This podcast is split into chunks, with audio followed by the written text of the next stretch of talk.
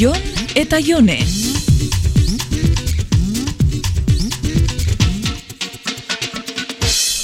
Aupa, Oskar, Kaixo jone. zu azkenian badakizue ze fetxa zehatzetan joango zarien txilera? Mm, Bai, ba, bi aste barru. Azkenean arazo batzuk izan dira baperekin eta, bueno, atzeratu egin zaigu guztia. Eh, puta da hundi xamarragi esan. Eta noiz esan biaz ez dazu, nikokin antolaubiako naiz, ezta? Bueno, bueno, jone, nik ere nahiko gauza badaukat antolatzeko, eh?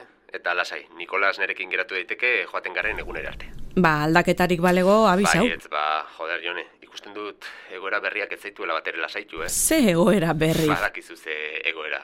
Zu, Jon, ze, zer modu zure nobiorekin? Eh, ez dut zurekin hortaz berbaitzeko asmorik, Oskar. Bueno, ba, nahi duzun moduan.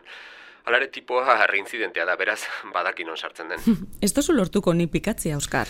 Jon eta Jone. Trikitilari bikote baten izena dirudi. Agur, Oskar. Txao.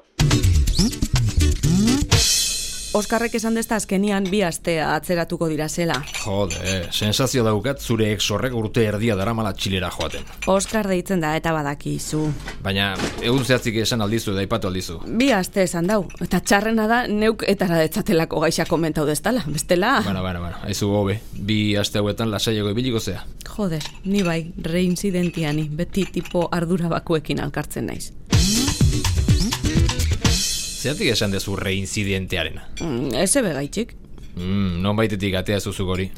Ba, beste barik Oskarrekin berbetan, berak zutaz galdetu dez... Nitaz?